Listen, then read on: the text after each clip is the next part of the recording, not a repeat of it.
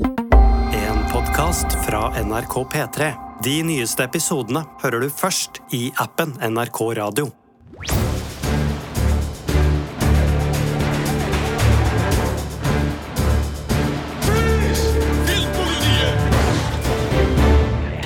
Velkommen til Filmpolitiets podkast med Sigurd Vik, Birger Vestmo og Ingvild Dybfest Dahl. Vanligvis en gjeng torskodde eh, politibetjenter, men denne gangen så melder vi oss inn i Kystvakta, for vi skal til Bøljan blå. Storfilmen Titanic fyller 25 år og relanseres nå på norske kinoer. Den ble jo et popkulturelt fenomen da den kom. Den hadde Kate og Leo i baugen, den hadde Céline Dion på hitlistene med My Heart Will Go On, og den ble verdens mest innbringende film. Sjøl så har jeg aldri sett den før i uka som gikk nå, og i denne podkasten skal vi undersøke det store spørsmålet har Titanic holdt seg. Og så skal vi prøve å bli litt klokere på hvorfor denne filmen ble en så stor suksess, som fremdeles holder seg flytende. Greit å advare mot spoilere fra Titanic her, og Ingvild, du får ta oss tilbake. Hva var det som møtte kinogjengere i februar 1998? Ja, jeg kan fremdeles lukte den nye malingen. Nei da.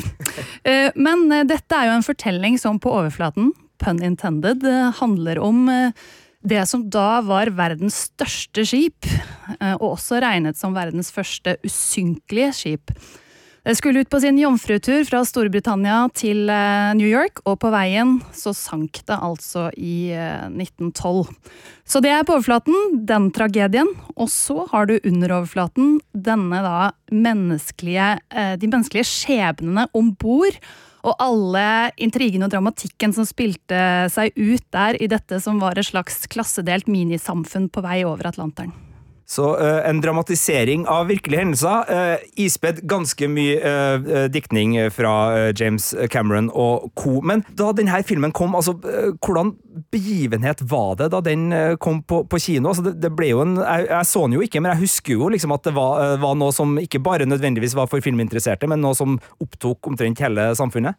Det var jo flere grunner til at vi hadde prata om Titanic i mange mange måneder, for ikke å si år, da den kom. eh, Hovedsakelig fordi James Cameron hadde gått så sykt over budsjett. Den skulle vel egentlig ha et budsjett på rundt 100 millioner dollar, og endte på rundt 200 millioner. Faktisk sa Cameron fra seg lønna si, og skulle i stedet få sånn payback på hvor, ut fra hvor godt den gikk, da. Noe som i ettertid viste seg å være en god idé. Og så var det det at filmen ikke hadde noen på den tiden etablerte stjerner. Ikke noen sånne kjempestore navn. Verken eh, Kate Winslet eller Leonardo DiCaprio var de stjernene som de er i dag. Så mange forventa faktisk at filmen skulle floppe fordi budsjettet var så høyt. Hvordan i alle dager kunne den tjene inn så mye?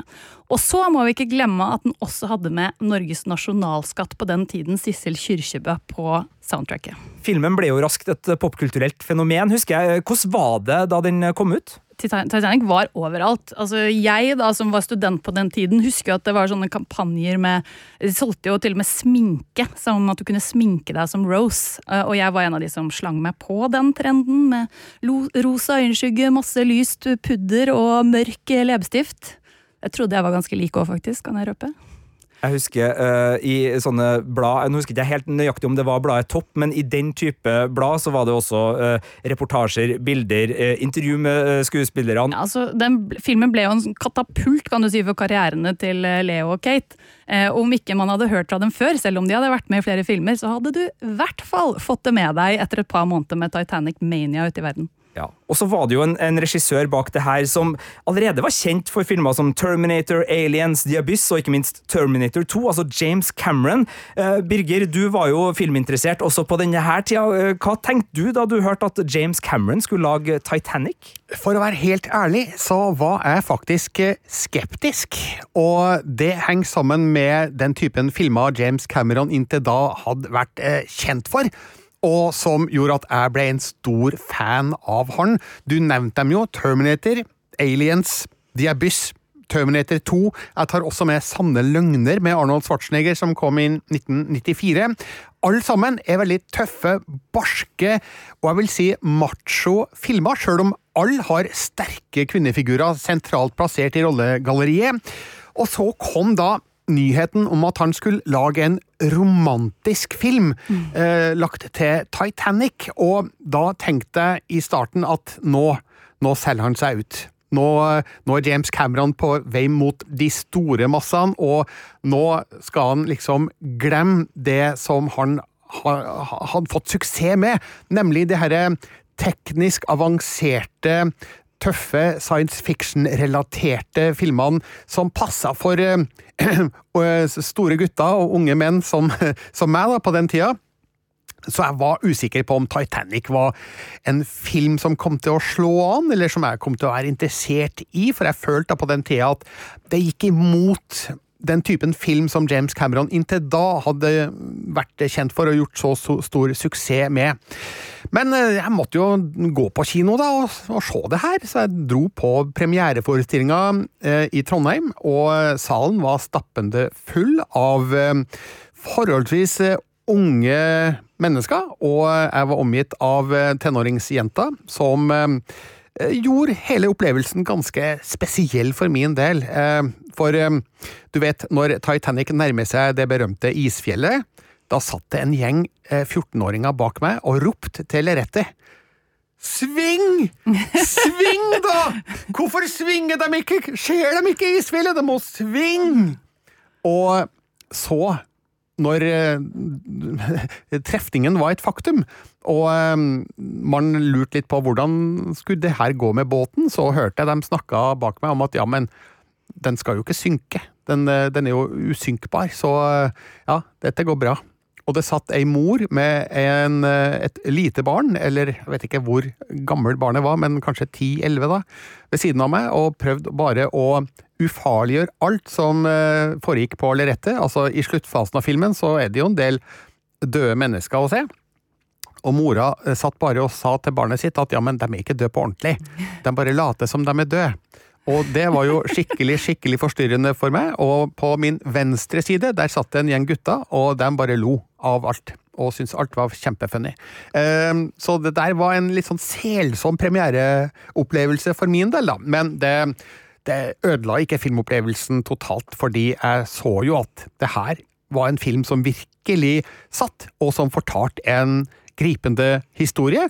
Eh, Sjøl om den er litt overfladisk, så er den rasende godt fortalt, og effektene i filmen er jo helt vanvittige, og dem syns jeg står seg den dag i dag, for det meste. Det er én ting som bugger meg i dag, som det gjorde da den eh, gikk på kino i 98, og da den tredje 3D-versjonen kom i 2012. Det er noen flybys over Titanic, der du virkelig ser at eh, her er det noe eh, tidlige digitale effekter som er brukt, fordi de folka som går på Titanic Titanic de, de, går som i et sånn Super Mario-spill.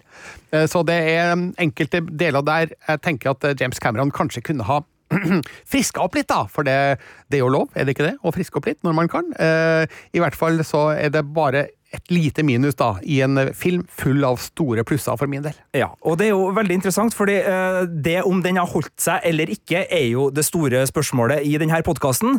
Og endelig Endelig kan jeg være med og diskutere om Titanic har holdt seg eller ikke, for nå har jeg også sett den. Ja, men uh, ærlig talt, her må jeg bryte inn, Sigurd. Uh, du har altså jobba hvor lenge i Filmpolitiet? Nei, det har vel passert ti år. Ja. ja. ja. Uh, ble du ikke spurt under ansettelsesprosessen om du hadde sett alle de viktige filmene eller ikke? Det er mulig at det ble det, og, og selvfølgelig da, som man skal gjøre i jobbintervju, altså fake it till you make it, så, så jeg passerte passert den testen, i hvert fall. Men, men, du har nå malt over en stor flekk på film-CV-en din, syns jeg. Men, men, hvorfor har du ikke sett den før nå? Nei, det der er en sånn greie som jeg har tenkt litt på, for jeg har aldri ikke ville ha sett Titanic. Det har ikke vært en sånn bevisst sånn greie om at jeg ikke skal se den, men jeg var 15, ja, 15 år da den kom jeg, jeg, kan ikke se for meg at det var en kinofilm med da et begrensa lommepengebudsjett som skulle brukes på, på, kino, at den liksom kom seg helt der oppe da. Og så har det vel bare ikke vært en anledning. Jeg drev og tenkte tilbake, Har, liksom, har den kommet på lineær-TV, jeg har skrudd den av? Nei. Har det vært liksom snakk i vennegjeng, i studentkollektiv osv. om sånn Skal vi se Titanic, og jeg har stemt det ned? Nei. Så, så, det har egentlig bare vært en sånn tilfeldig blindflekk. Jeg husker også at jeg hadde Saving Private Ryan, ikke fullt så lenge, men den hadde jeg lenge ikke sett. Eh, av litt sånn samme årsaker. Det var, var tilfeldig. Og så uh, har jo Marte Hedenstad, vår kjære kollega, oppdaga at jeg ikke hadde sett den. Så, så, for noen år siden så begynte det å bli en sånn der Vi må finne den rette anledninga til at du skal se Titanic. Og med 25-årsjubileum, med relansering på kino, så var det jo en ypperlig anledning. Fikk dessverre ikke komme meg på kino siden, så det ble en hjemmeopplevelse. Men nå har jeg også tilbrakt, og jeg var ikke klar over at den skulle være over tre timer, så det ble en senkveld, det her. En såkalt helaften. Men nå har jeg da sett den, og uh, kan da være med og diskutere med dere har den holdt seg? Ja, for jeg er jo nå ekstremt uh, spent. Uh, hva syns du om filmen? Altså, En ting som jeg var veldig klar over, og kanskje er det derfor svaret ble som det var, er kommer jeg til å grine av Titanic? Uh, jeg er en lettrørt kinoseer. Jeg ga terningkast tre til en film med Tom Hanks som heter Man Called Otto her forleden. Grein likevel masse gjennom filmen, så, så det er ikke så vanskelig å få meg utpå. Så grein jeg da under Titanic. Svaret er dessverre nei. What? Jeg ble ikke rørt til tårer, uh, sjøl om det var scener der jeg tenkte her uh, jeg, uh, Hvorfor griner ikke jeg her? Spesielt en scene hvor bandet som da uh, spiller mens uh, Jeg minner igjen på det, det er spoilere i, i, i flust her, folkens, så, så, så her, her, får dere det. Ja, båten går ned. Båten går ned, uh, det, og det skjer verre ting òg. Noen dør òg, kan jeg røpe. Ja, ja. Men um, i det, orkesteret som da har stått på dekk og spilt muntert uh, mens panikken uh, rår og alle skal i livbåtene, eller ikke alle, for det er det vitterlig ikke plass til, men det er fullt kaos og det er så dramatisk, så kommer det en scene hvor de liksom egentlig har tenkt å gi seg, så, men vi, vi, gir ikke oss, vi, vi fortsetter å, å, spille. Jeg kjente liksom i hele kroppen min at det her er skikkelig rørende. Jeg, jeg syns det er en flott scene, men det er et eller annet med James Cameron og tårekanalene mine som, som aldri helt liksom blir jeg, Det samme med Avatar-greia nå. Jeg, jeg gråter ikke under Avatar, så jeg koser meg. Jeg syns det er storslått. Jeg koser meg. Det, nå hørtes jeg lett psykopatisk ut. Altså sånn, jeg, jeg, jeg, anerkjenner at det er storslått, men, men klart ikke Eller ble ikke sånn at jeg felte en tåre, men det er klart, når du starter en film med litt sånn nysgjerrighet på om du skal grine eller ikke, så kan jo det påvirke, men, men det ble ikke en tårefelt. Men når det er sagt jeg likte filmen skikkelig godt. Jeg syns ikke uh, Titanic er noe annet enn en film som jeg sjøl, 25 år etter, syns var en veldig god filmopplevelse i sofaen. Jeg syns det er ei uh, god historie, sjøl om den er på overflaten, som, som, Birger sier her, med et kjærlighetsdrama og rollefigurer som det er lett å engasjere seg i. Og så er jo min store attraksjon er jo skipet og, og, måten James Cameron, som den eminente uh, suspensregissøren han er altså uh, Måten han får både liksom maskineriet, etablere det med storslåtte bilder som virkelig tar oss med inn på innsida og gjør Titanic til en rollefigur, og også liksom måten de scenene som da har blitt etablert med liksom prakt og, og vakker vakker estetikk blir et skrekkfilmscenario i det skipet kantrer og, og bølgene kommer inn, og måten han klipper og bruker vannet som trussel. Og det å få se Kate Winslet med øks klar til å Ja, nå nå ble jeg rørt! Ble ikke rørt under filmen. Okay, Kate Winslet med øks, det gjorde susen for Sigurd. Åh, for å redde Åh sin elskede. Ja, nei, det, det, er så mye bra i der. Eh, det skal sies, da, jeg tok eh, litt sånn uh, tida på det.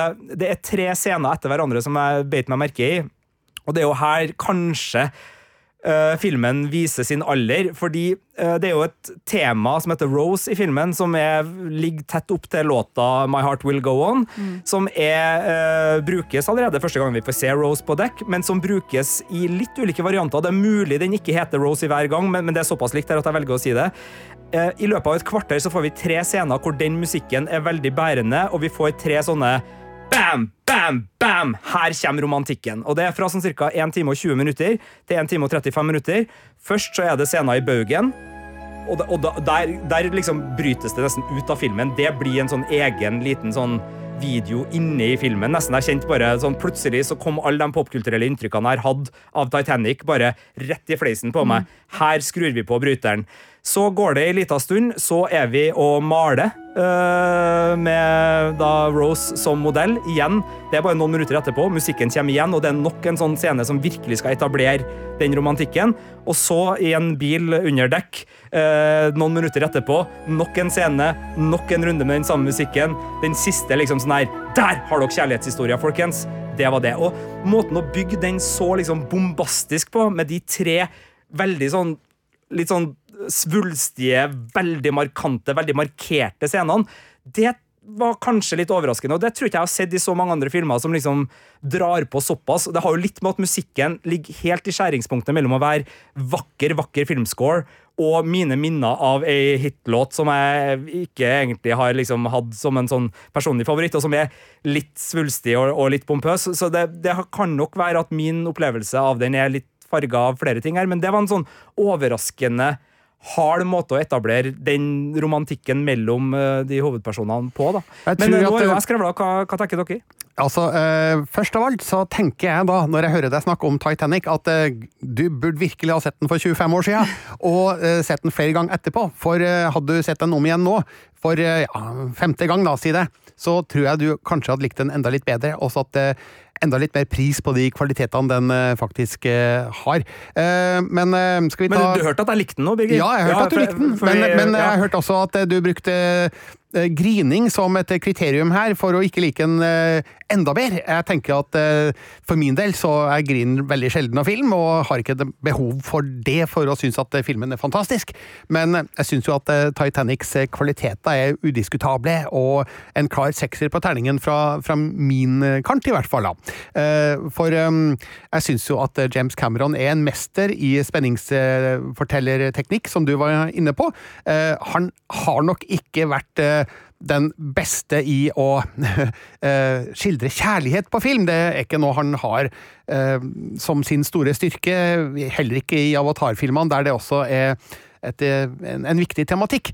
Eh, Men eh, det er spetakkelet, det er det storslagne, det er å, å bygge den verdenen som hele Titanic-skipet er. Det er der han lykkes aller best, syns jeg. Og verdensbygging har han jo bevist gang på gang at han er en mester i. Altså om det er en fremmed planet i Aliens, eller en undervannsoljeborerigg i The Abyss, eller um, Pandora da, i Avatar-filmene. Eh, han, han har så, et så fokus på detaljene her at eh, vi blir totalt overbevist om at vi faktisk er på dette stedet der historien foregår.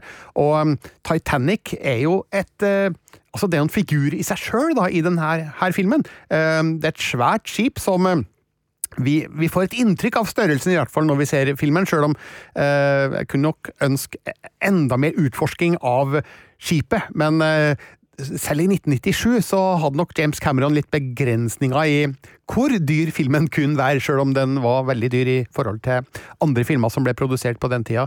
Men eh, jeg syns jo at eh, hele historiefortellinga sitter fra første stund. Altså Leonardo DiCaprio og Kate Winslet så gode som de er. Eh, ble nesten litt overraska da jeg så filmen om igjen nå. Eh, hvor utrolig dyktige de er da, til å spille figurene sine innafor eh, de rammene som de har å forholde seg til. da. Eh, jeg syns de gjør det meste ut av det de har på dialogen, og de scenene der de får lov til å prøve å oppnå en kjemi. Det er en klar kjemi mellom dem, og det er jo godt gjort i en film som er så stor, da, at du får flere nære og intime øyeblikk som faktisk fungerer, sjøl om det er litt overfladisk, og sjøl om det er litt ukebladromantisk. og eh, det er jo ikke et dypdykk inn i menneskesjela, det her. Eh, men jeg syns det fungerer veldig godt eh, i eh, historiens eh, sammenheng, og mm, så er jo da skipet i seg sjøl en drøm å få oppleve, og man kunne jo bare tenke seg til enn om det ikke traff dette isfjellet, så kunne jo hele Titanic-skipet vært en, eh, en, eh, en klassisk reisemåte over til USA og, og tilbake igjen. Så vi har jo snakka mye om hvordan dette er en utypisk Cameron-film, men vi må jo også huske at eh, teknologien er en rød tråd her. Cameron har jo sagt at han faktisk ville lage Titanic fordi han ville ha en unnskyldning til å bruke masse penger på en sånn undervannsfartøy til å ta seg ned til selve skipet, som han jo gjorde i flere runder, og som ble brukt i innledningen på, og flere ganger inn i filmen. Eh, Så jeg mener at det er jo helt i tråd med han. Han har også sagt at det skulle være en slags Romeo og Julie på Titanic. Så det var jo liksom ikke noe nytt han prøvde å finne opp her. Det var bare å egentlig ivareta en slags eh, standard, god, gammeldags, etablert kjærlighetshistorie eh, på, som du sier, da, et slags severdighet som var helt i hans ånd med, med den store teknologien. Og jeg husker jo da jeg så den for første gang eh, Jeg klarte det kunststykket at selv om jeg var student og var veldig fattig, så så jeg den to ganger på kino samme uke. Eh, fordi jeg vant eh, gratisbilletter, og da tenkte jeg som student hva får jeg liksom maks uttelling for pengene? Det var jo en ekstra dyr kinofilm siden den var så lang. Dermed selvfølgelig se den to ganger. Og ja, altså, jeg var jo ikke Leonardo DiCaprio-fan, eh, som flere av mine venninner var før denne filmen, men han er jo ekstremt god i den. Så jeg ble jo nesten litt sånn, sånn halvcrush, kan du si. Men jeg ble, fikk også en sånn halvforelskelse i, i, Kate Winslet, bare fordi hun var så utrolig søt og flink i den filmen. Eh, men ja, når jeg så den om igjen eh, i helga, så var jeg altså Jeg må innrømme at i motsetning til deg, da, så så begynte jeg å grine nesten med en gang. Og jeg hadde ikke forventa det, fordi jeg var sånn, denne har du sett sikkert ti ganger. Nå skal du bare minne deg selv på hva den egentlig handla om. Men de der innledende bildene nede på havbunnen, eh, som jo egentlig ikke er havbunnen, du ser liksom blant annet ansiktet til en dokke og sånn, og så kommer det vokalene til Kyrkjebø Altså, jeg var sånn dette er, Det blir minna om eh, det utrolige tragedien, da. Fordi vi går og tenker på det romantiske, men det er jo liksom en sånn voldsom, voldsom menneskelig tragedie. Og det var det som slo meg når jeg så den gang to. Og jeg er enig med noe dere har vært innom her, med at teknologien som var helt overveldende da, i 1998, eh, da jeg så den, eh, den er jo litt sånn Jeg satt litt og tenkte kanskje Jeg liksom ser på Tintin. Altså hvis du skjønner, det, Nesten halvanimert. Det er, ikke, det er ikke sånn at du tenker at den er kjempedårlig, men den holder ikke like bra mål naturlig nok 25 år etterpå. Så det er liksom det ankepunktet. Og så husker jeg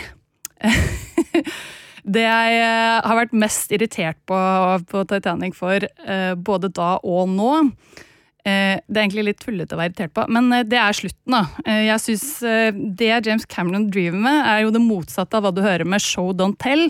Og Cameron driver med veldig mye tell. Så i stedet for å bare slutte på båten, så må vi ha den gjenforeningsscenen nede ved klokken i trappen. Og da var jeg sånn, selv om jeg satt med snørr og tårer i kinosalen, så var jeg sånn Men hvorfor?! Det der, eh, det der kunne han spart seg for, liksom. Det ble for mye. Men samtidig så er jeg irritert på meg selv for at jeg blir sur over at det er overdådighet i en film om noe storslagent og overdådig. Altså, bare tenk på navnet! Titanic. Dette er en mastodont av en film. Vi kan faktisk ikke sitte og flisespikke på at ah, det var litt voldsomt. Det er sånn, Yes, hello, det er en sledgehammer. Uh, ja, sånn er det. Vi må faktisk akseptere at Titanic er litt overdreven og voldsom. Ja. James Cameron har jo et uh, sitat som han har blitt litt kjent for. Uh, Some say less is more, I say more is more, and too much is never enough.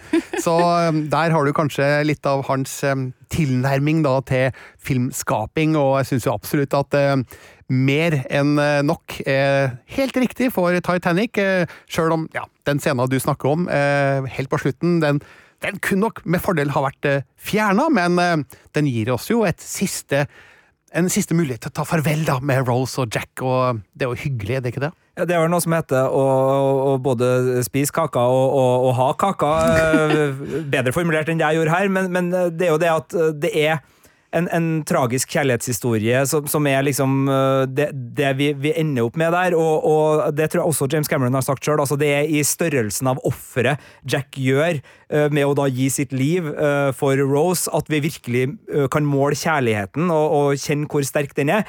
Og så får vi den siste scenen som er en liten sånn der Uh, sånn, det er jo ikke en happy ending, men er en liten sånn der hyggelig slutt etter uh, at man, man, sitter her. Så, så det, det, det, er jeg enig i at den slutten ikke må være der, men, men det som du sier, Birger, altså det, det, er en, uh, det, er en, feiring av det storslåtte. Og det er jo nesten en litt sånn feiring av sin egen film på, på, på, tampen med den siste scenen, og som minner oss på rollegalleriet, og kapteinen som liksom snur seg mot kameraet. Det er litt sånn TV-vignett-vib over, over, det hele, men, men jeg, jeg, jeg, jeg godtar den. Ja. Selv om jeg er enig i at den ikke på noe som helst vis løfter filmen. for min del. Og, og, så kysser dem, og så begynner alle rundt å klappe. Ja. Ja.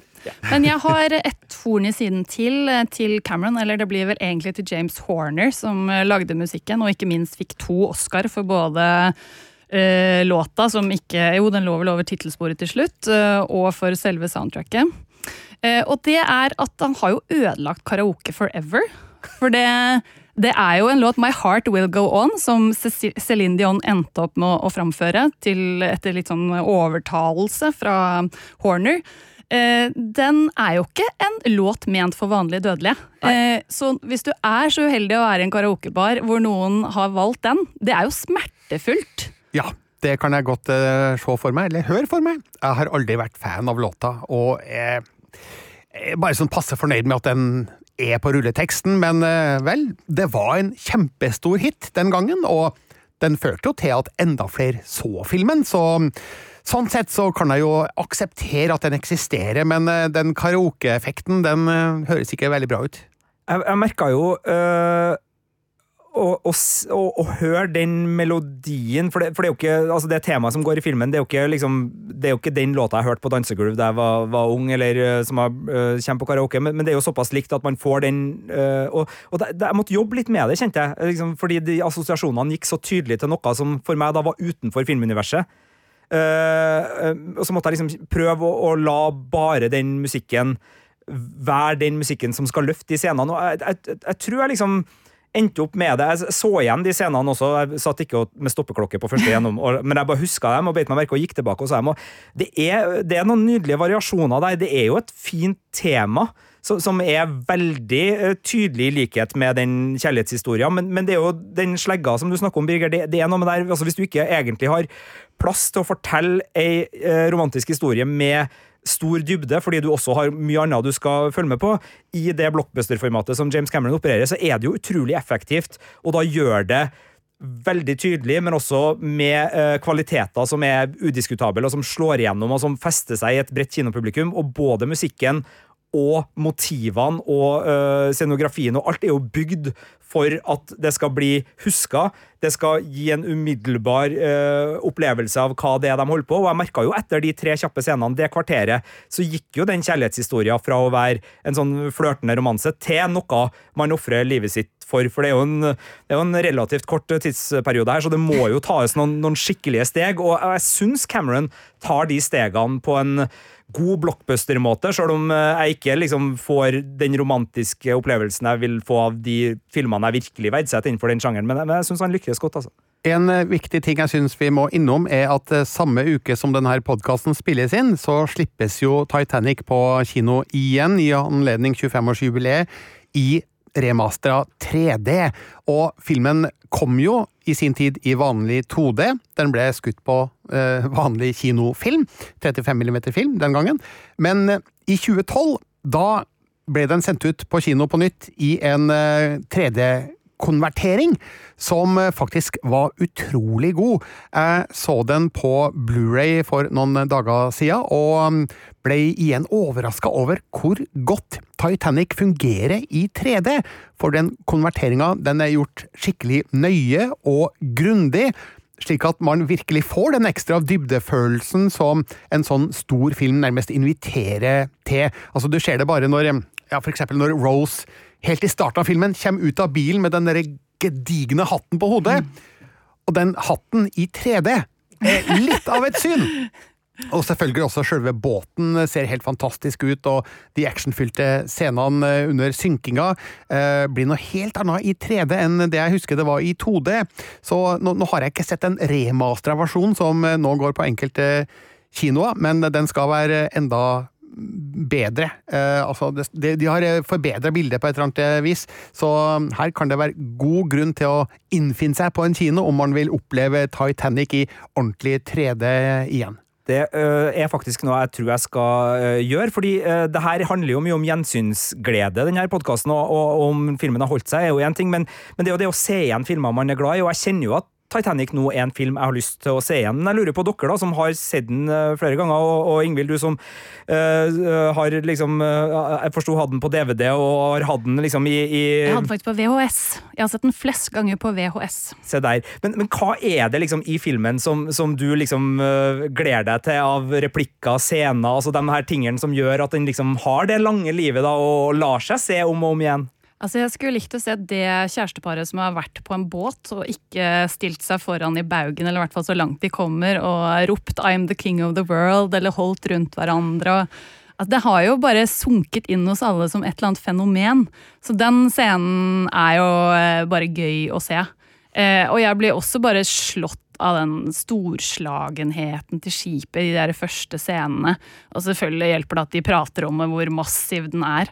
Men også en av de sterkeste scenene for meg er faktisk eh, når de sitter og forteller alt dette rent vitenskapelig. Han derre Bodin som bare er sånn Så smeller den ned her på sjøflaten, og bare pang, pang. Og så sitter Rose der og sier sånn Ja takk for den veldig forensic eh, gjennomgangen der. Eh, for eh, vi som var til stede, så var det en ganske annen opplevelse. Og det, å, nå fikk jeg sånn gåsehud når jeg snakka om det, men liksom den derre vridninga fra ren og skjær underholdning og ja, liksom severdighet til en ren kjempetragedie for de som var der. Hvordan, hvordan, må det ha vært å oppleve det? Det er jo helt umulig å forestille seg. Men Cameron prøver i hvert fall å vise oss en versjon av hvordan det kan ha vært. Jeg er jo bare glad for å endelig skjønne hvor den popkulturelle referansen 'Paint me like one of your French girls' faktisk kommer ifra. Eh, for den har jeg liksom fanga opp flere plasser. Det er jo flere ting liksom som jeg har fanga opp her og der. Jeg har jo sett noen scener Futurama har laga sin parodiepisoder, så det har jo vært mye. Men det var godt å, å få dem liksom sånn ah, Og det, der må bare eh, være helt ærlig, rekke opp hånda. Den visste ikke jeg kom fra Titanic. Det gjør jeg nå, så det er jo bra. Og det er jo en replikk du kommer til å få veldig bruk for videre. Selvfølgelig. Jeg er jo ofte i en setting hvor det vil være naturlig å enten ta bilde eller eh, male meg. Og da vet jeg jo både hva jeg skal si, og hvorfor jeg skal si det. Eh, så det er fint. Eh, men jeg lurer jo på, altså Birger, den, den 25-årsjubileum og at en film settes opp, det er jo ikke sånn unikt, men Titanic er fremdeles den tredje mest innbringende filmen på verdensbasis. Altså, Den har liksom egentlig aldri helt forlatt den kulturelle bevisstheten. Og hva er det som gjør at denne filmen holder seg, ja, skal vi si det med pun intended, flytende i, i popkulturen uh, fremdeles? Fordi det er en klassisk tidløs romanse. Det ble vel sagt tidligere i podkasten Romeo og Julie på en eh, båt, og det er jo nettopp eh, det det er. Og Romeo og Julie har jo vart og vart, og mm, aldri slutta å fascinere oss. Og i Jack og Rose så har vi et klassisk filmpar som jeg tror transenderer transcenderer generasjoner, som det heter. Altså om man ser den for første gang som 15-åring i dag, eller om man så den som 15-åring den gangen. Jeg tror ikke forskjellen er så veldig stor. Jeg tror at uh, historien betyr det samme for uh, folk av ulike aldersgrupper. Og den er veldig godt laga og ser ikke gammel ut i det hele tatt, bortsett fra det vi har vært innom, noen få digitale effekter. Men ellers så ble filmen så praktfullt utført den gangen at den virker på ingen måte gammelmodig. den har en klar og stødig fremdrift gjennom hele spilletida, sjøl om den er lang, men jeg kjeder meg aldri et sekund av Titanic sjøl nå, når jeg har sett den kanskje Jeg vet ikke hvor mange ganger jeg har sett den. Ti, kanskje? Eh, jeg syns hele tida at jeg blir underholdt. Eh, jeg gleder meg til alle delene av filmen som jeg da får eh, nostalgiske gjensyn med, og den fungerer bare, rett og slett. Jeg har flere elementer i filmen som gjør den spesielt morsom og samtidig litt trist, kanskje, å eh, dra tilbake til. Eh, mest av alt Bill Paxton, en av mine favorittskuespillere, som James Cameron har brukt i flere filmer, både The Terminator og Aliens og True Lies. Eh, han spiller jo da lederen for den dykkeekspedisjonen, eh, som vi ser gjennom store deler av eh, filmen. Brock Lovett heter figuren. Eh, Bill Paxton døde dessverre i 2017 eh, etter en hjerteoperasjon, så han er ikke med oss lenger. Eh, Dette er jo en film som sikrer at hans arv er sementert, pluss en del andre gode roller, selvfølgelig. Det er flere sitater i filmen som har brent seg inn i populærkulturen, som du har vært inne på, og um, det er flere ikoniske bilder som uh, sitter igjen. Baugen har vært nevnt, selvfølgelig. Bandet som spiller på dekk mens båten går ned. Ja, Sjøl om jeg ikke grein, en, en virkelig Nei. et høydepunkt for meg. Ja, eh, og um, også da den gamle Rose. Eh, nydelig spilt av, eh, når jeg glemte hva hun heter, Gloria Stewart. Mm. Eh, Stumfilmstjerne, var ikke det? Som uh, hadde vært uh, en del av Hollywood uh, i mange, mange mange, mange år. Ja, jeg sier bare ja til det. Ja, jeg tror, jeg tror det, altså, ja. altså, de nærbildene av ansiktet hennes Hun mm. spiller jo da en hundreåring i filmen. Hun var ikke fullt så gammel, men hun ble nok eh, sminka litt ekstra gammel, eh, men det er så markante drag og trekk i det ansiktet som gjør at kameraet studerer hun nøye og intenst. Og et av flere høydepunkter for meg i Titanic. ser den gjerne igjen, og jeg kommer heller ikke til å kjede meg neste gang. Det er fine ord. Og så lurer jo jeg litt på om James Cameron sin status nå, med Avatar og Avatar 2 og det som kommer, gjør at også Titanic, fordi det er nok en uh, altså det er en annen James Cameron-film som også foregår på havet, gjør at Titanic har en litt sånn ekstra interesse som den, altså også en maritim film fra James Cameron. Da. Kan det være noe der? At den er interessant for et nytt publikum av de årsakene?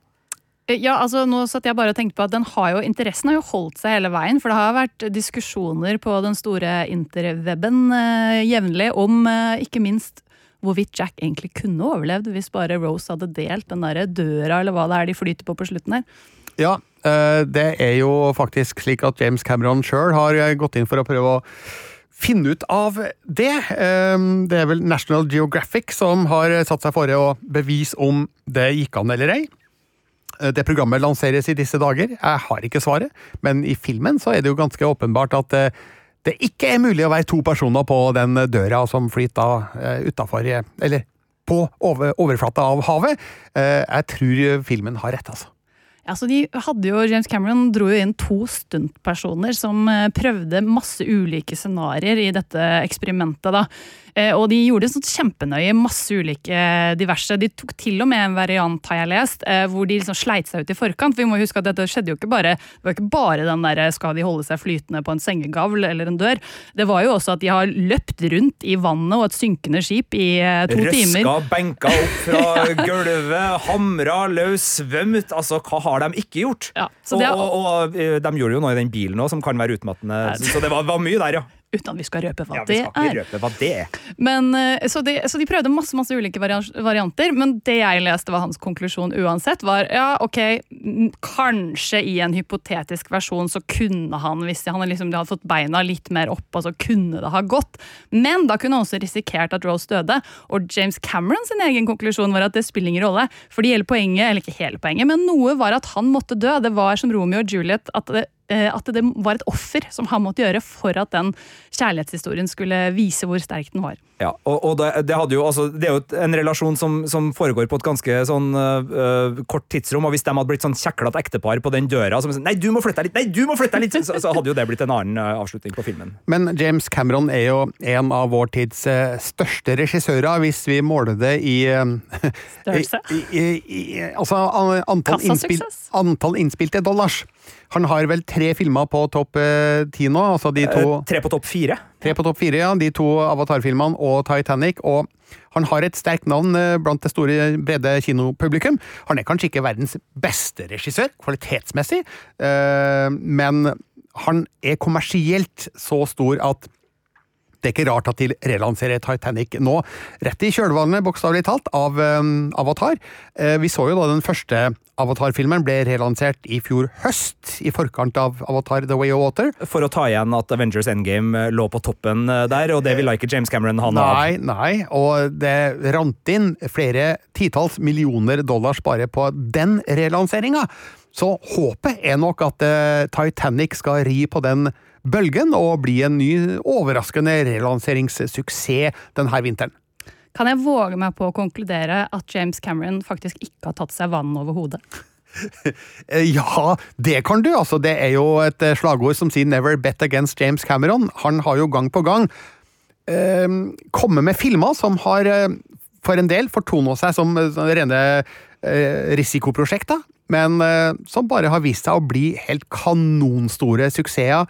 Tjent inn bøttevis med penger. Så um, det er ingenting som tyder på at James Cameron skal gå på en smell, heller ikke denne gangen. Og uh, Siden eh, Filmpolitiets podkast er veldig opptatt av å ha ting riktig, så skal vi korrigere og si at Gloria, St uh, Gloria Stewart, som da spiller den gamle Rose, sin første film var i 1932. Det var Street of Woman som var hennes uh, debut som filmskuespiller. Men da holdt på med det her lenge. Eh, du kan se uh, Titanic selvfølgelig på kino nå. Det er vel en anbefaling, selv om ingen av oss har fått anledning til det gjensynet enda. Det er en film som fortjener det aller største lerretet, og jeg har jo ifølge Birger Vestmo sannsynligvis enda ikke egentlig sett den, all den tid jeg da øh, kjøpte den på en strømmetjeneste. Den finnes vel også da i en god Blu-ray-utgave og en 3D-Blu-ray-utgave. Den kan kjøpes og leies digitalt, bl.a. i iTunes og andre sånne plasser. vet du nå, Birger, er det en 4K på trappene? ikke som er annonsert, men det er ganske sannsynlig at det vil komme i løpet av eh, året, nå som den remastera 3D-versjonen slippes på kino. Blir ikke overraska om at eh, hvis det kommer en 4K-versjon Han har jo også signalisert at hans eh, gamle film The Abyss, som også handler om livet til sjøs, eller under havoverflata i hvert fall, den skal slippes på 4K Blu-ray senest i mars har han uh, uttalt i forbindelse med Avatar The Way of Water. Og da kan vi jo bare håpe at uh, Titanic i 4K ikke er langt etter. Da runder vi av den her med å stille følgende spørsmål. Birger Vestmo, har Titanic holdt seg? Ja! Ingvild Dybføsdal, har Titanic holdt seg? Absolutt. Sigurd Vik, har Titanic holdt seg? Den var i hvert fall en drivende god film. Takk for oss! Hele historien. En podkast fra NRK. Er du der? Ja, Jeg er ja, det er krise. Det er noen som har tatt fra bussen og drept mange. To ganger, med ti års mellomrom, blir Valdresekspressen kapret. I kveld, bussjåføren og en passasjer på Valdresekspressen ble angrepet med kniv. Det er fryktelig brutalt. Veldig målrettet. Han hogger for å drepe. Knivdrapene på Valdresekspressen hører du i appen NRK Radio.